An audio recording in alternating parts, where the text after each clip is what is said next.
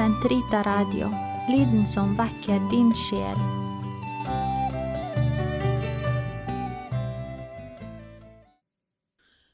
Den katolske kirkes katekisme, uke 47, onsdag 9.46 til 9.53.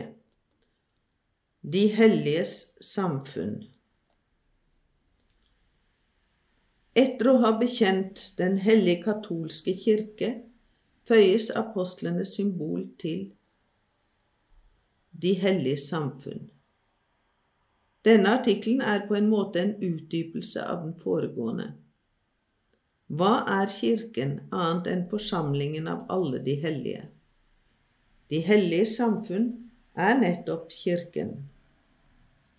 Siden alle troende utgjør ett eneste legeme, formidles den enes gode til andre. Altså må vi tro at det finnes sted en utveksling av goder i Kirken. Men det viktigste lem på legemet er Kristus, siden det er han som er hodet. På denne måten formidles Kristi gode til alle lemmene, og denne formidlingen finner sted ved Kirkens sakramenter. Da Kirken styres av en og samme ånd, blir nødvendigvis alle de gode den har mottatt, felles eie. Uttrykket De hellige samfunn har med andre ord to nært beslektede betydninger. Samfunnet i det hellige, sankta, og samfunn mellom de hellige, sankti. Sankta sanctis, det hellige i de hellige lyder det i de fleste orientalske liturgier når de hellige gaver løftes opp før kommunionen. De troende, sankti, næres ved Kristi legeme og blod, sankta, for å kunne vokse i Den hellige ånds samfunn, koinonia, og videreformidle det til verden. Samfunn i åndelige goder. I urmenigheten i Jerusalem fortsatte disiplene trofast å følge apostlenes undervisning, og trofast tok de også del i fellesskapet, i brødsbrytelsen og i bønnene. Apostelgjerningene 2, 42. Trosfellesskap. De troendes tro er Kirkens tro, som den har tatt imot fra apostlene en livets skatt som øker jo mer den deles. Sakramentfellesskap Alle sakramentenes frukter tilhører alle.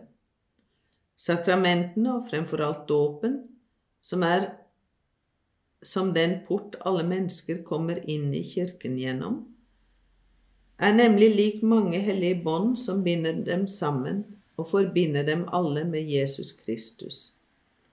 De hellige samfunn er det sakramentale fellesskap, kommunion. Sakramentene kan alle kalles kommunion, samfunn, fellesskap, for hvert enkelt av dem forener oss med Gud. Men denne betegnelse passer aller best på eukaristien, fordi det er den som fullbyrder fellesskapet. Nådegavefellesskap Innenfor Kirkens fellesskap skjenker Den hellige ånd de troende, uansett deres plass i helheten, særlige nådegaver for å bygge opp Kirken. Og hos hver enkelt ytrer Ånden seg på en måte som tjener til det felles beste. Første kor 12.7. Allting hadde de felles. Apostelgjerningene 4.32. Alt det en sann kristen har, skal han se på som noe han eier sammen med alle andre, og han skal alltid være snar og rede til å komme den nødlidende til hjelp og nestens tarv i møte. Den kristne er forvalter av Herrens gods. Kjærlighetsfellesskap I Sanctorum Communio lever ingen av oss for seg selv alene, som heller ingen er alene med sin død.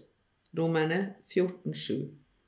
Om ett lem lider, så lider alle lemmene med, og om ett lem æres, så gleder alle lemmene seg med det.